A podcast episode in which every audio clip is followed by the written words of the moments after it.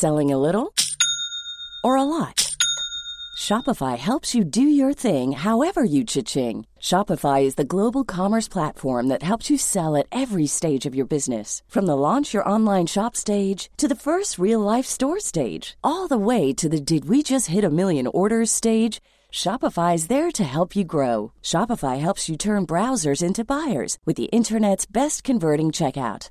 36% better on average compared to other leading commerce platforms because businesses that grow grow with Shopify. Get a $1 per month trial period at shopify.com/work. shopify.com/work.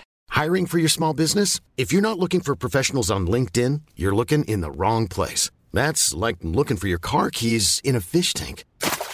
LinkedIn helps you hire professionals you can't find anywhere else, even those who aren't actively searching for a new job but might be open to the perfect role. In a given month, over 70% of LinkedIn users don't even visit other leading job sites. So start looking in the right place. With LinkedIn, you can hire professionals like a professional. Post your free job on linkedin.com slash people today. When you're ready to pop the question, the last thing you want to do is second guess the ring.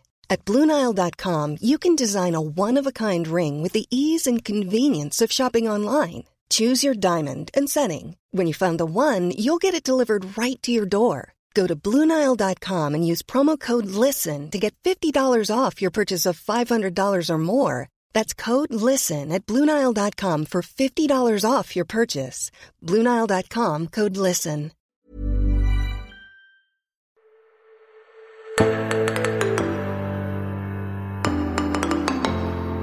Nå sitter eh, Tore Hjalmar Sævik og meg sjøl, Tarjei Gilje, på vårt eh, kontor. Tilsynelatende er alt som normalt, men det er jo ikke det, for du må rett og slett eh, gå hjem. Jeg kom fra Østerrike på lørdag, og dermed så har jeg rett og slett fått beskjed nå etter statsministerens pressekonferanse at det er ikke lov til å være ute blant folk i 14 dager. Statsministeren har sendt deg hjem fra jobb? Rett og slett. Dit er vi kommet. Ja. Og Saken er jo at jeg skal òg gå hjem fra jobb og ikke komme tilbake her på kontoret. I morgen i hvert fall, har jeg tenkt. Eh, det er ikke fordi det er noe karantene, men det er fordi vi tar forholdsregler for å, minimere risikoen for smitte. De fleste i dagen kommer til å jobbe hjemmefra eh, i overskuelig framtid. Og de aller fleste av landets gudstjenester blir jo faktisk òg avlyst førstkommende søndag. Det er ganske inngripende tiltak der. Ja, det er vel noe som, eh, som egentlig ingen nålevende nesten har opplevd. Noe som kan tilsvare. Altså I fredstid har det ikke skjedd noe lignende. Så det blir interessant å se hvilke uker vi nå har uh, foran oss. Likevel er det et faktum at uh, vi var sammen på Frimodig kirke sin årskonferanse på mandag denne uken, og det var spennende. Det var det. Vi eh, møtte da to personer som vi har tatt opp intervju med. Den første det er Sofie Braut, som har vært medlem i Stavanger bispedømmeråd og Dermed delegat til kirkemøtet? Ja, og eh, en forholdsvis flittig skribent i både Dagen og andre plasser. Den andre er en dagens-spaltist, og vår første internasjonale gjest, faktisk. Ja. Olof Edsinger, generalsekretær i Svenska evangeliske alliansen. Ja. Han snakker et forståelig svensk, vil jeg si, og sven svensker er jo lettere å høre enn å lese, ja, egentlig. Så vi anbefaler begge disse intervjuene, og så satser vi på å være tilbake neste uke. Ja.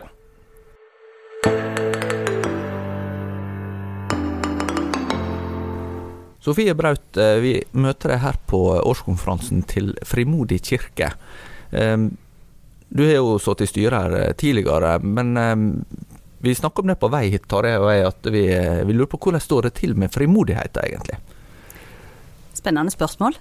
Jeg tenker at frimodigheten er en utfordring for kristne, egentlig på tvers av, av tider. Og, og det, men det er kanskje på en spesiell måte utfordrende akkurat nå for tida. Ehm, jeg tenker spesielt for kristne i Den norske kirka at det er utfordrende å, å, på en måte helt klare å leve med spesielt vedtaket i eh, samlivsetikken, der en på en måte har bestemt seg for to eh, ulike teologier som ikke helt går i sammen. Og en driver og lever med resultatet av det akkurat nå, som er veldig forvirrende, tror jeg, for mange. Du, du, du bor jo i et av de altså, det som på mange måter blir kalt lokomotivet i eh, Kristen-Norge, både når det gjelder organisasjonsliv og for så vidt også i Den norske kirke, så står menigheten mye sterkere der enn i mange andre sammenhenger. Men, men, når du beskriver at uh, dette er utfordrende lokalt, hva, hva, er det det er snakk om sånn helt konkret?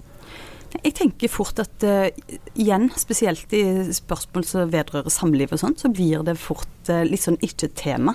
At en tenker kanskje at en uh, får legge det litt vekk, og så, som en ofte sier, samle seg om det viktigste.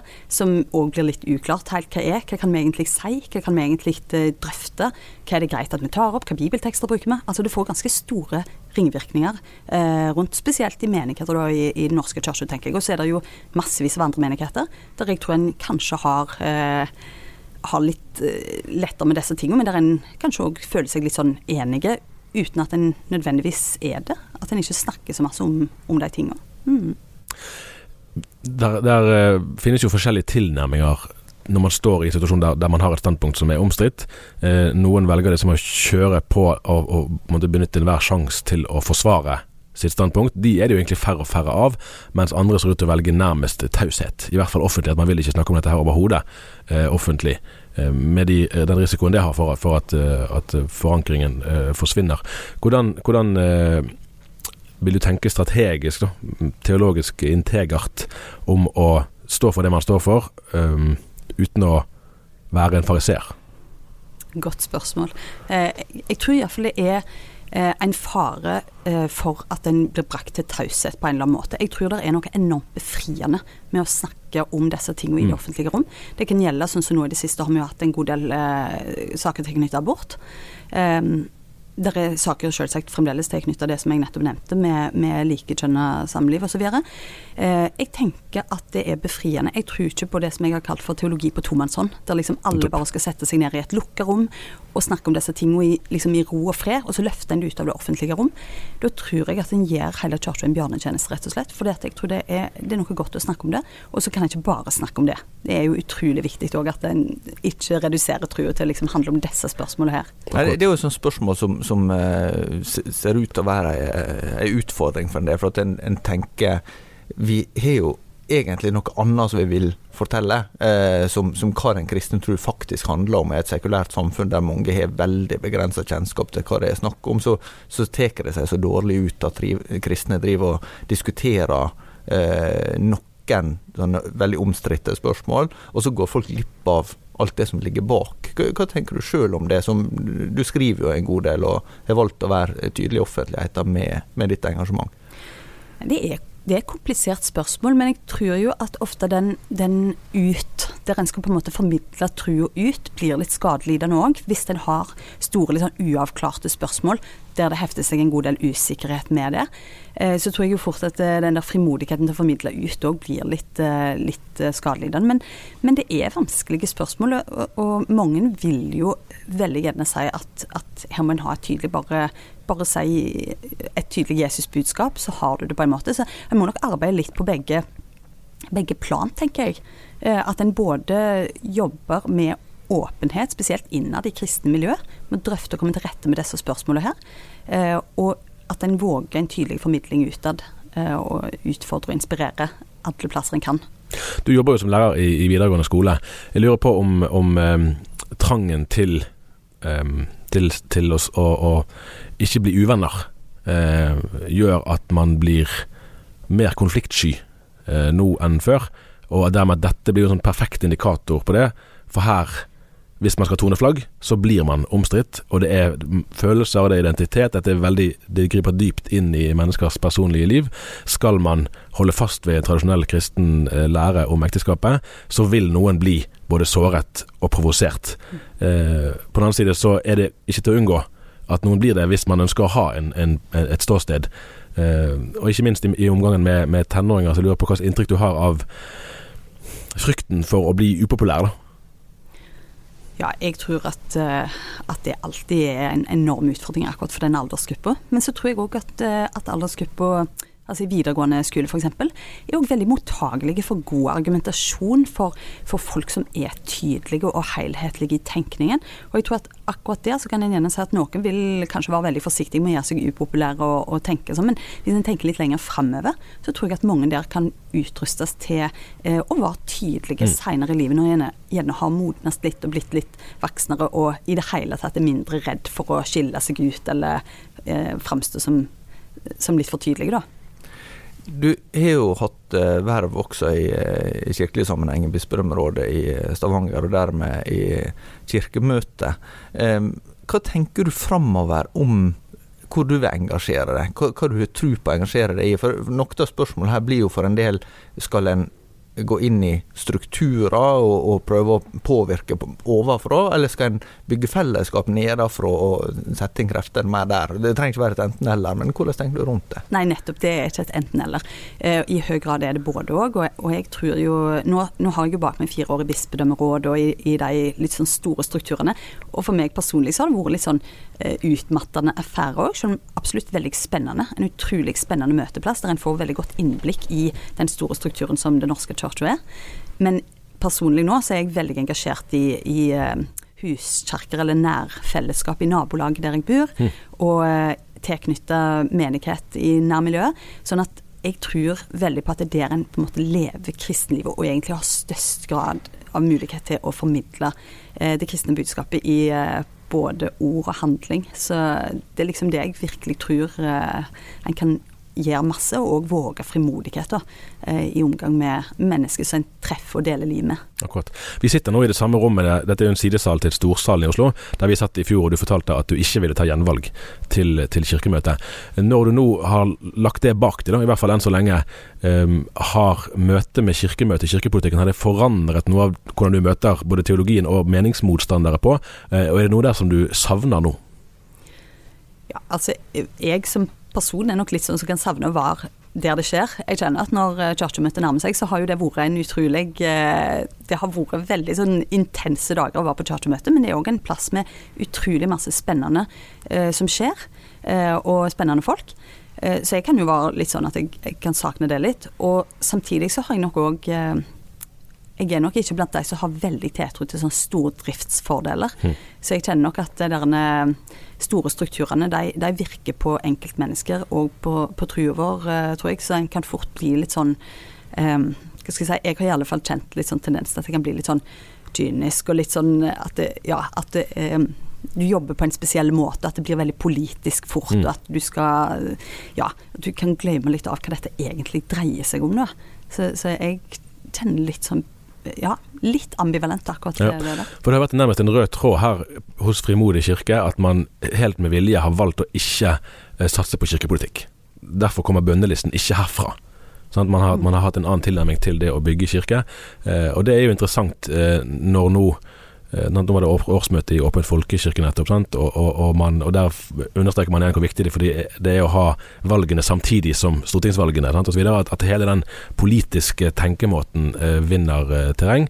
Eh, jeg lurer på hvordan du, hvordan du, ser på den betydningen det vil ha for da, kirkene for norsk kristenhet fremover. Om det vil, vil føre til en ytterligere deling, sant? der du får en større kristenhet utenfor Den norske kirke, som ikke er interessert i å kjempe med de metodene, eller, eller tvert imot, om det blir en større samordning innenfor fordi at kampviljen eh, avtaler. Altså jeg tror, og det har jeg sagt hele tida, at jeg tror den der politiseringen av kirka er, er, en uting. Mm. Jeg tror ikke det er bra. Jeg tror ikke det tjener eh, samtalen om eh, teologiske tema. Jeg tror det blir veldig masse en kamp om å posisjonere seg, eh, og om å avtale ting, og gjøre avtaler utenfor på en måte de, eh, de store foraene, f.eks. Så, så jeg tror eh, eh den det med å samordne valg f.eks. og sånt, det, det, forstår jeg egentlig ingenting av. Jeg syns det er en merkelig måte å Når du tenker på at du skal ha mer likestilling av trossamfunn osv. Merkelig måte å tenke på seg. Mm. Så der forstår jeg rett og slett ikke Åpen folkekirke sin posisjon, at en, eh, at en legger så masse vekt på det. Og det høres jo ut som at det ikke er mulig å engasjere kirkens egne medlemmer mm. med å ha egne valg. Og det er jo veldig merkelig hvis en tenker at kirka virkelig skal bety noe for folk. Mm. Men om du ska se et litt større bilde eh, for Du nämnde det lokale engasjementet, og så nämner du lite av ambivalensen och politiseringen sånn som du ser sentralt. Men hva, hva tenker du skal eh, er tjenlige strukturer for å, å bygge et kristen fellesskap som er større enn det lokale eh, framover? For, eh, for, du er jo eh, småbarnsmor og, og på Ja, du må også tenke, tenke lenger fram, da. Absolutt, og det, det er òg store spørsmål, så jeg er veldig usikker på om jeg sitter med de gode svarene på. Men jeg, jeg ser nok mer og mer at de, eh, å bygge kirka nedenfra er absolutt helt nødvendig. Det er da en kan få til eh, noe solid og bærekraftig.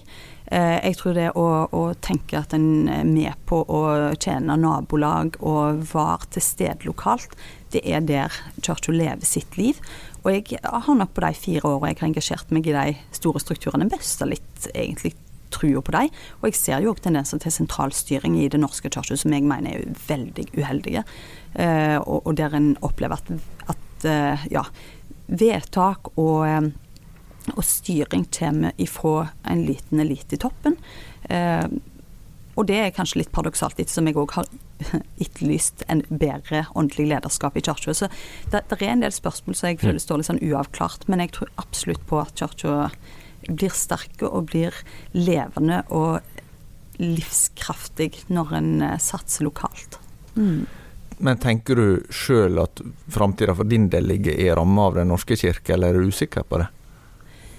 Jeg er kanskje litt usikker. Akkurat nå er jeg engasjert, mest engasjert i eh, Bedehuskirken, som jo er i IMF. Eh, og, og, det handler jo litt om at jeg har ungdommer i huset og er med der de engasjerer seg og, og har et godt fellesskap der. Um, men uh, dette er typisk uh, tror jeg Stavanger bispedømme. altså Her, her ja. er jo mye mer det lågkirkelige og det såkalt høgkirkelige mye nærmere nå enn ellers i, i, landet. Så jeg var på gudstjeneste i den lokale DNK i går. Så ja. Mm. Hvor, henne, hvor henne er det du virkelig ser liksom, her er det lyspunkter, dette som skjer rundt omkring, enten helt lokalt hos deg eller annet, dette er det virkelig verdt å, å heie på og løfte frem? Ja, jeg, jeg tror jo det f.eks. når en ser på ja, det er mange. Hvor skal jeg begynne? det er et godt tegn i så fall. Det ja, det er veldig bra. Jeg, jeg, ser at det er en økt interesse for bibellesing, f.eks. Mm. Eh, det har vært satsing på det f.eks. her i Oslo. Ja. Store samlinger. Det er massevis av folk som melder seg på eh, familieleirer, f.eks. Mm. Eh, jeg tror mange tenker lokalt og tenker at eh, når på en måte staten er mer ute av bildet på eh, trosformidling i det hele tatt, så tror jeg familier blir mer bevisst på hva de ønsker å formidle til sine unger. Så jeg tror det har skjedd en revitalisering av formidlingen til, til, barn og unge gjennom familier. Og det ser jeg lokalt der jeg bor, at mange er veldig opptatt av å sende ungene på leir, av å lære dem opp i heimen, av å ha dem i et godt barne- og ungdomsopplegg eh, lokalt. Og det tror jeg er, igjen, der bygger vi opp, altså. Der er der, ser jeg stort eh, håp for eh, kristenheten i Norge. Det er godt å høre. Takk skal du ha, Sofie Braut, for at uh, du var med. Du er jo med i en liten eksklusiv klubb som heter Friend of the Pod, uten å vise det sjøl. Det er nemlig blant de som har vært gjest to ganger. Velkommen igjen. Ja. Tusen takk.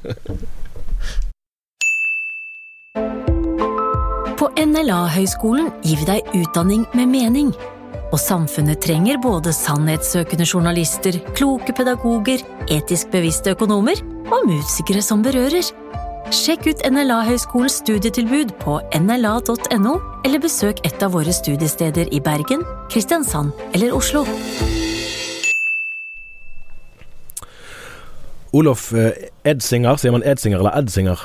Eh, Edsinger sier jeg. Edsinger sier man, ja, men da gjør vi det. Du, har, du, er født i 1976, men du har altså skrevet 15 bøker. Det er jo 15 flere enn eh, oss. ja, jo, nei, men det, det har blitt det, ungefär. Og Du jobber altså som generalsekretær i Svenska evangeliske alliansen, og bøkene du har skrevet har eh, i hvert fall i tema sammenfall med det du arbeider med der. Absolut. Det är ju knappt tre år som jag jobbat på Evangeliska Alliansen och jag började ju skriva rätt länge sedan då som ni kanske anar. Eh, men absolut, särskilt mycket av de här eh, lite strategiskt viktiga frågorna och också heta teologiska frågorna är sånt som finns också i Evangeliska Alliansen. Du har ju sagt eh, att du har viss, en viss sans för, eller syns det är spännande att gå in i tema som de flesta helst vill undgå att skriva om.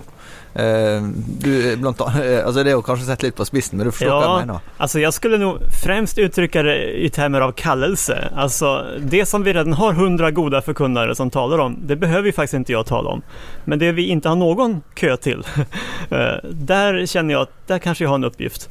Eh, så det är inte så att jag i sig är ute efter att söka effekter eller debatt så egentligen, utan där jag upplever att det finns viktiga spörsmål som väldigt få ägnar sig åt. Där, där triggas väl jag lite och känner att där kan jag ha en uppgift.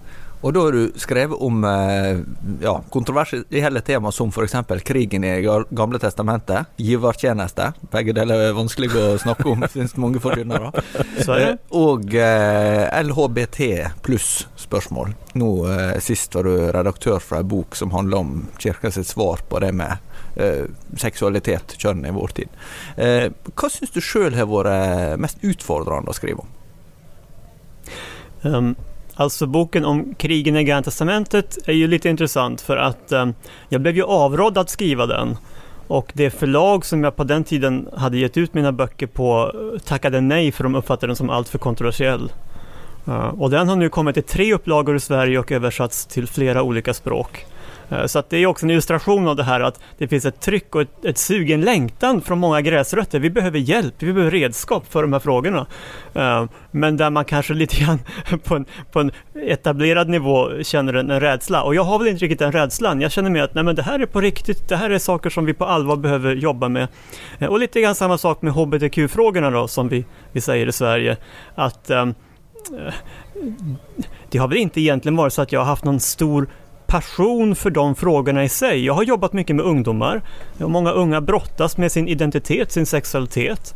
Och jag ser också en, en tydlig baksida här, att med de här nya ideologierna, till exempel queer eller shave ideologi som ni säger och, och transrörelsens eh, tänkande, det gör väldigt många unga förvirrade och, och där, där känner jag mer att det blir en, en själesorgsfråga, att vi måste ta ansvar för att, att hjälpa de här att inte bara kasta sig ut i, i de här nya ideologierna för att, för att det har också många offer med sig. Nå har jo jeg nylig skrevet en reportasjeserie i Dagen om nettopp det med kjønnsdysfori. Altså opplevelsen av at en er mm. født i feil kropp, da, for, for å si det på en litt folkelig måte. Og der eh, det bl.a. tok utgangspunkt i svenske forhold, der det er skjedd eh, eh, enda mer egentlig i Sverige eh, enn i Norge på det feltet. Vår tidligere biskop, eh, nå avdød Per Lønning, sa jo i sin tid at Norge er det landet som gjør samme feil som Sverige fem år seinere. Ja. Eh, men, men eh, den, kan du si noe om den diskusjonen som har vært rundt kjønn, eh, identitet, seksualitet? Altså, hvis du skal gi et riss av eh, det, når du jobber såpass mye med det, hva, hva, är det egentlig som har skjedd der? Det som i grunden har hänt är ju att kurvorna pekar extremt brant uppåt. Vi har alltså ett tillstånd här som Uh, men det var för tio år sedan drygt kanske ett dussintal personer per år och nu är det liksom hundratals. Och det är klart att det drar blickarna till sig. Det som också har hänt är att flera högt uppsatta läkare och professorer har börjat säga ifrån och säga att det här, det här är inte hållbart, det, det pågår någonting mer här. Och särskilt kopplingen då till att det finns så mycket andra psykiska diagnoser, psykisk ohälsa och liknande. Um, och eh, sen eh, faktiskt får man ändå säga att, att de här två tv-programmen som sändes i Sveriges Television, eh, Tranståget, där man kritiskt granskade det här, ställde många besvärliga frågor och även lät några komma till tals som hade ångrat sig eh, för sina då könskorrigeringar. Det har nog skakat om rejält i folkdjupet. Och jag är ju oerhört tacksam för de programmen, för de lyfte egentligen fram det jag försökte säga redan för fem år sedan, men då var det väldigt lite intresse för de frågorna.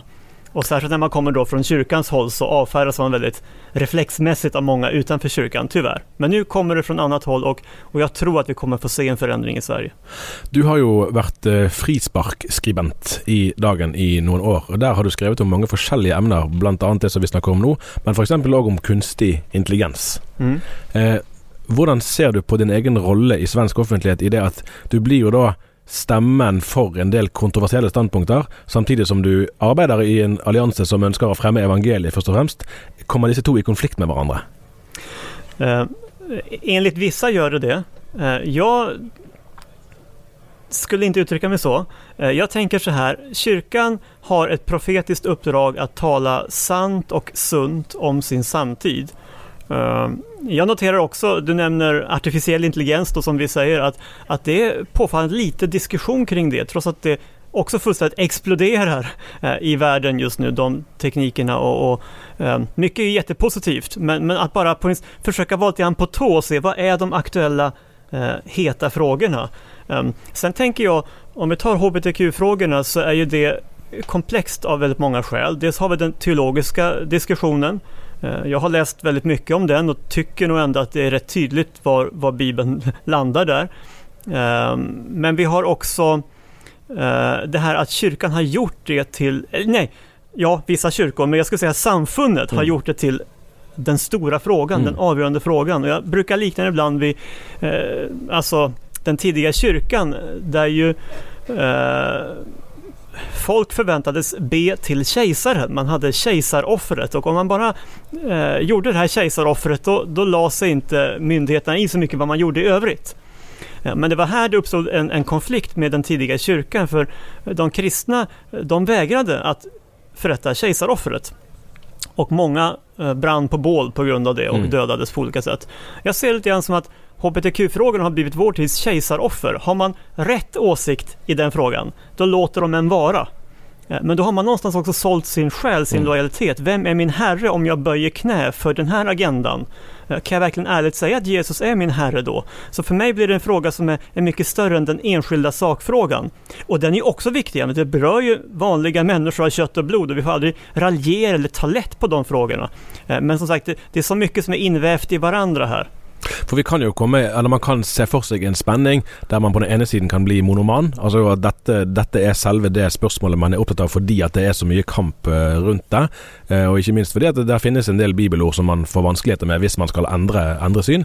På en annen side kan du òg se at i en del kristne miljøer ser det ut for at man velger det motsatte. Man, man vil helst ikke i det hele tatt snakke om disse spørsmålene her offentlig, fordi man er redd for at da blir man eksklusivt forbundet med de, og blir da noe annet enn den evangeliets budbringer man helst vil være.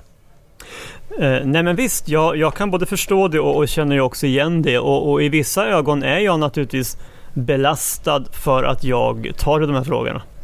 Um, men jag brukar säga det, vi börjar med att säga att jag har skrivit 15 böcker, så det är svårt att be, be, beskylla mig för att vara en enfrågeperson.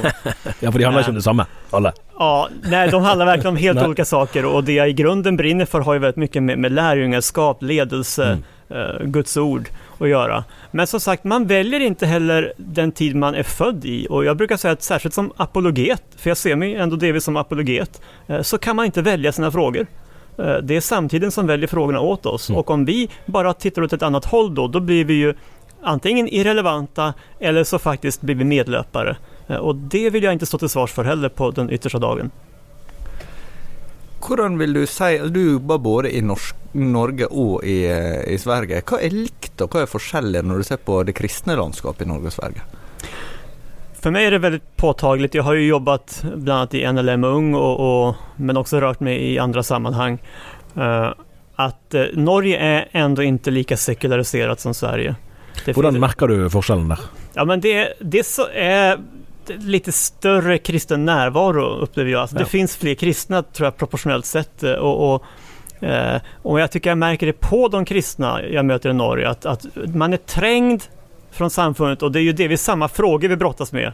Nästan i princip identiska frågor ska jag säga. Men utvecklingen har inte gått riktigt lika långt ännu i Norge. Uh, så det är väl en tydlig sak. Sen tycker jag också att jag märker, vi talar i Sverige om åsiktskorridoren att det är så att säga en fråga i taget man, man ägnar sig åt och på ett visst sätt som är politiskt korrekt. Um, än en gång, samma tendens finns väl i Norge men inte alls lika starkt.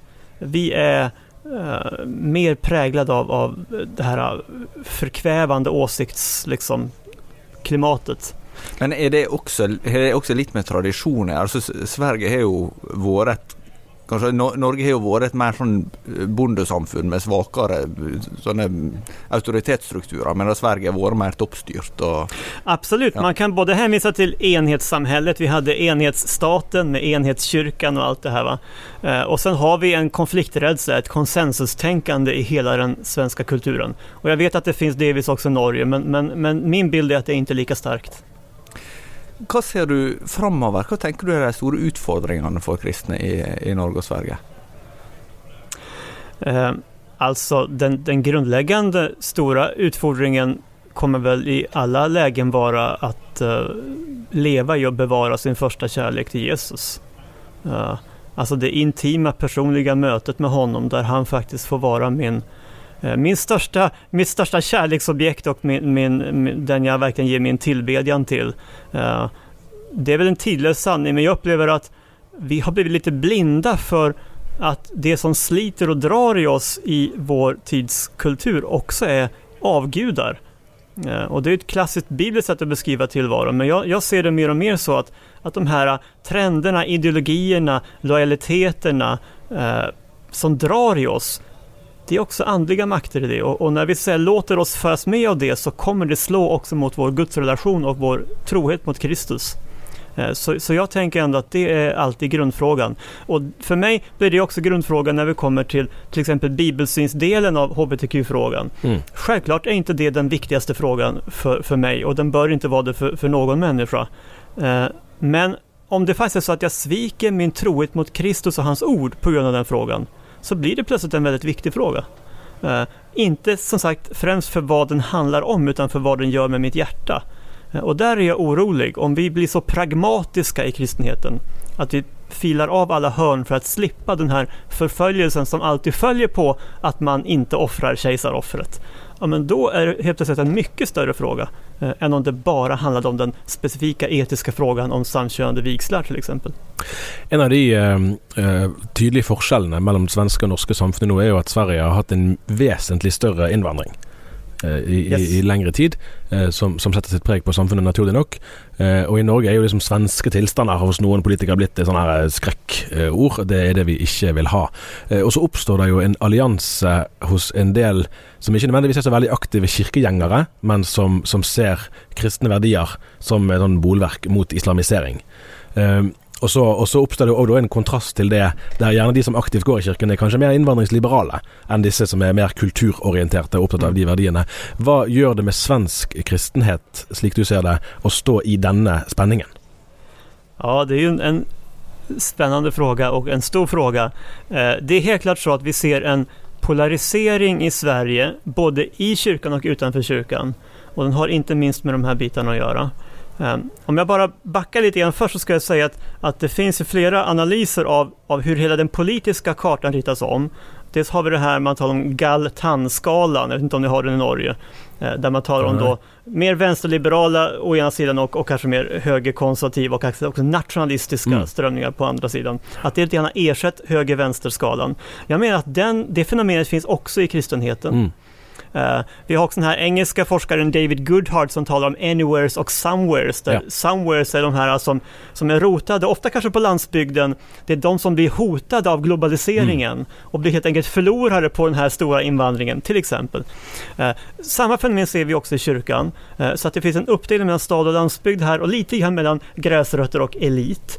Um, och nu har vi ju också i delar av kristenheten väldigt mycket låst oss vid att, lite grann som Bamse, att vara kristen är att vara snäll.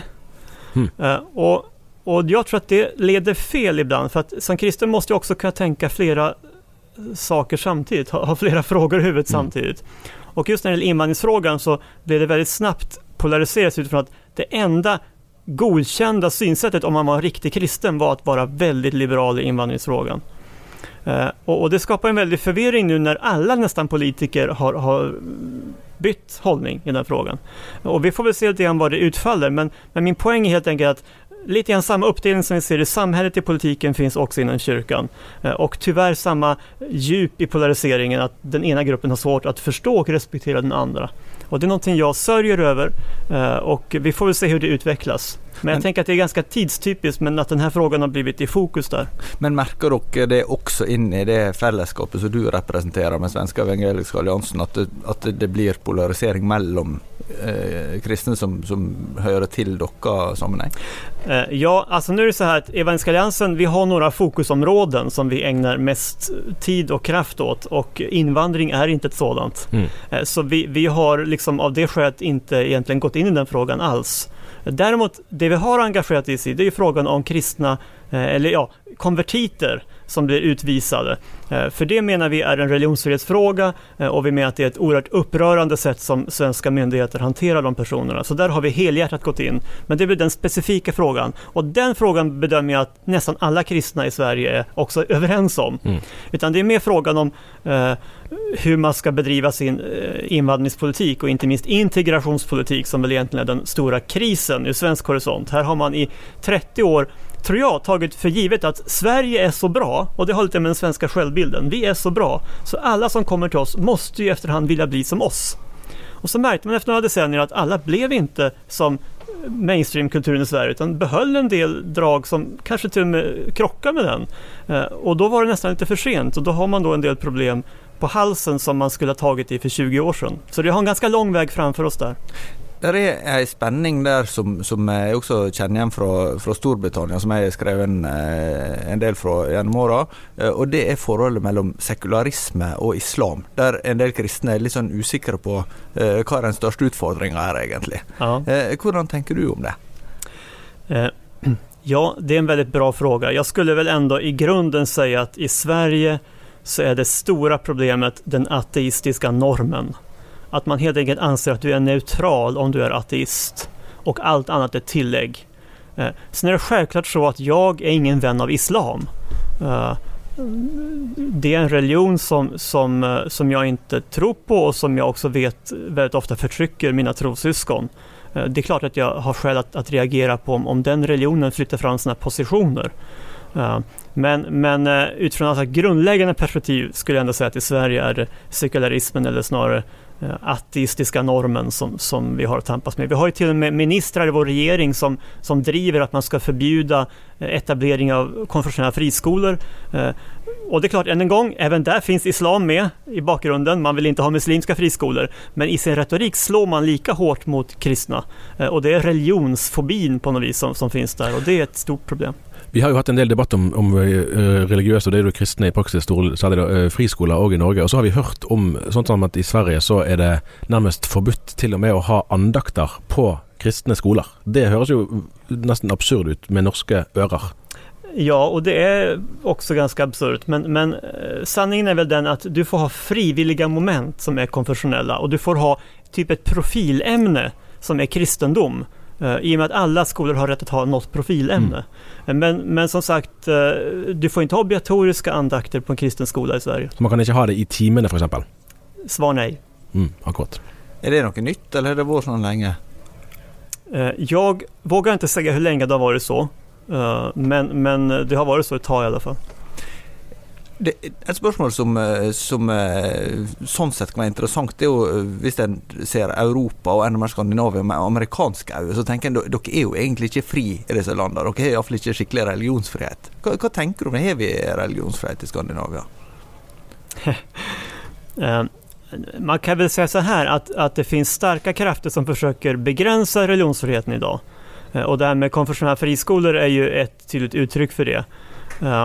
Men, men eh, jag tror väldigt många sekulära politiker inte minst, men också vanliga svenskar är helt enkelt hemmablinda. Att, att man inser inte eh, att man faktiskt förtrycker en annan grupp när man klankar på kristendomen. Det finns fortfarande, och där kommer kanske den här enhetskyrkan, den tiden med Svenska kyrkan som statskyrka in, alltså en bild av att det är etablissemanget. Det är de liksom eh, ja, mäktiga till och med det var ju en undersökning som kom för bara några veckor sedan om kristna skolelever som mobbas för sin kristna tro. Eh, och det visade sig att i en visserligen ganska liten undersökning så var det ungefär hälften som vittnade om att de hade blivit utsatta i skolan. Men ännu mer anmärkningsvärt är att en fjärdedel av dem sa att de hade blivit utsatta av lärare.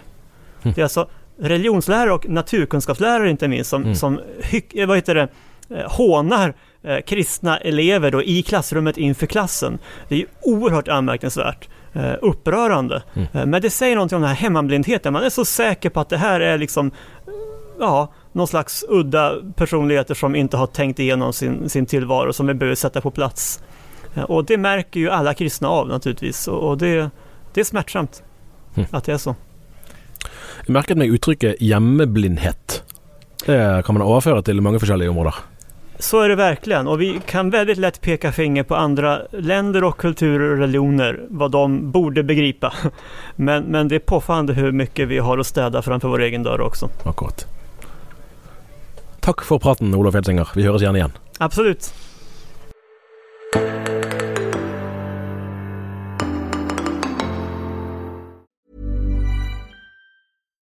Here's a cool fact. A crocodile can't stick out its tongue. Another cool fact you can get short term health insurance for a month or just under a year in some states. United Healthcare short term insurance plans are designed for people who are between jobs, coming off their parents' plan, or turning a side hustle into a full time gig. Underwritten by Golden Rule Insurance Company, they offer flexible, budget friendly coverage with access to a nationwide network of doctors and hospitals. Get more cool facts about United Healthcare short term plans at uh1.com. Planning for your next trip? Elevate your travel style with Quince. Quince has all the jet setting essentials you'll want for your next getaway, like European linen, premium luggage options, buttery soft Italian leather bags, and so much more. And it's all priced at 50 to 80% less than similar brands. Plus, Quince only works with factories that use safe and ethical manufacturing practices. Pack your bags with high-quality essentials you'll be wearing for vacations to come with Quince. Go to quince.com slash trip for free shipping and 365-day returns. Hi, I'm Daniel, founder of Pretty Litter. Cats and cat owners deserve better than any old-fashioned litter. That's why I teamed up with scientists and veterinarians to create Pretty Litter. Its innovative crystal formula has superior odor control and weighs up to 80% less than clay litter. Pretty Litter even monitors health by changing colors to help detect early signs of potential illness. It's the world's smartest kitty litter. Go to prettylitter.com and use code ACAST for 20% off your first order and a free cat toy. Terms and conditions apply. See site for details.